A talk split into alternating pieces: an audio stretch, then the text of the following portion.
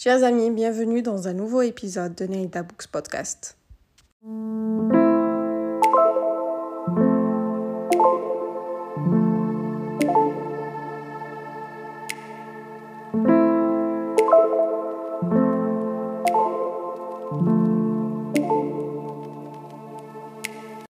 Hi, everybody, welcome to Nehida Books Podcast. This is the first episode that I'm releasing for this year, so uh, wish you a happy new year and uh, let's get started. Before jumping up and talking about the backstreet, this novel, I should advise you to see some videos on YouTube uh, about uh, the Uyghur community in China done by CNN and Jazeera TV.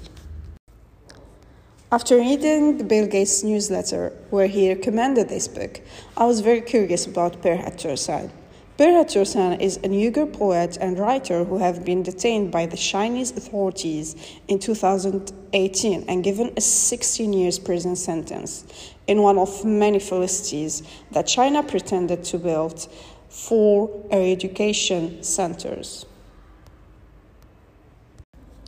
This novel is about a life of a Uyghur young man living in Urumchi. We are guided by his monologue all the way through this novel with a particular style and poetic rhythm. What have captiv- captivated my attention is that there are no chapters like like the author wanted us to feel the heaviness of his existence in a cruel world full of hate and racism.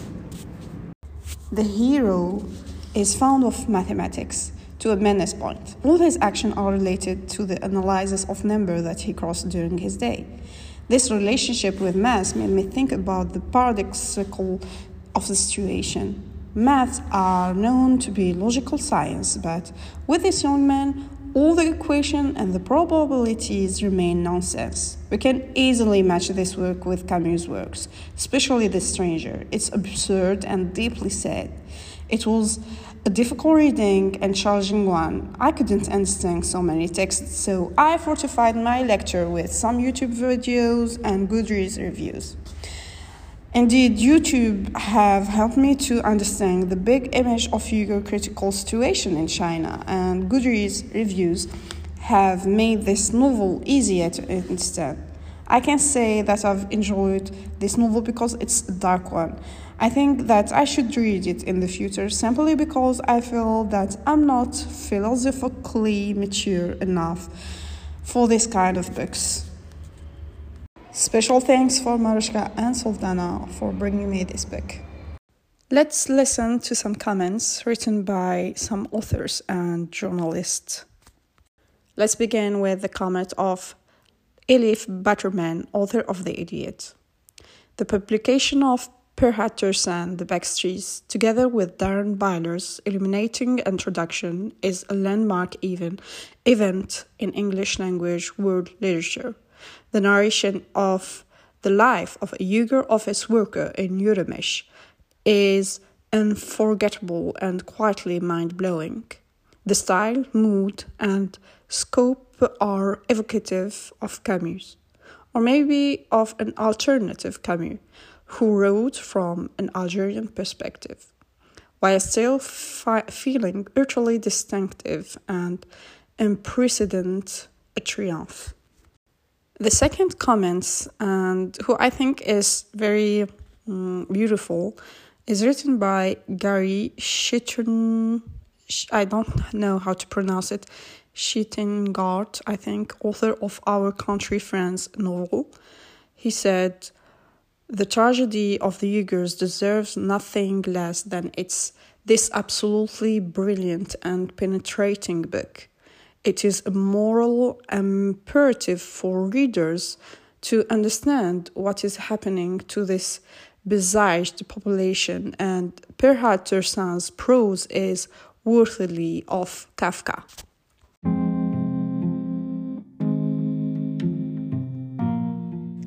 At the end, I'm sharing with you one passage that hit me so hard. I closed. Somewhere a door opened with a loud crack.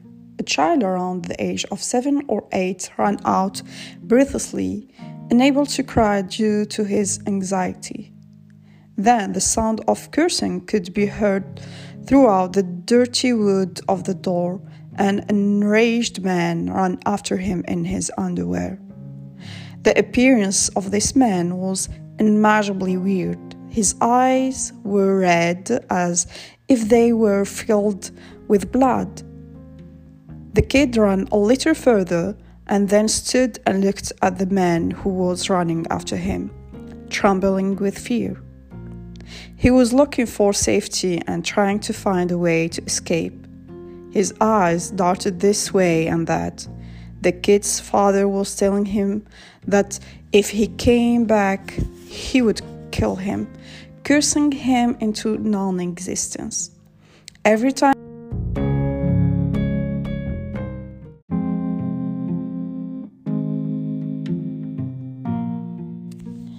Every time he cursed the kid, he described in minute details each action he would take as he killed him.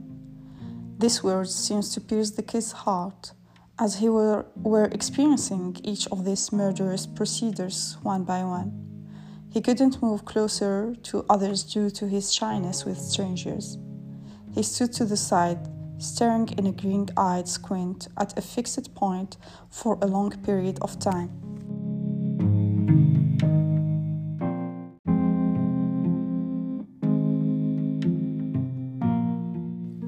Although his face was copper colored due to his bloodlessness, it appeared a bit white, and the liver colored hair loosely covering his face made him appear small and thin.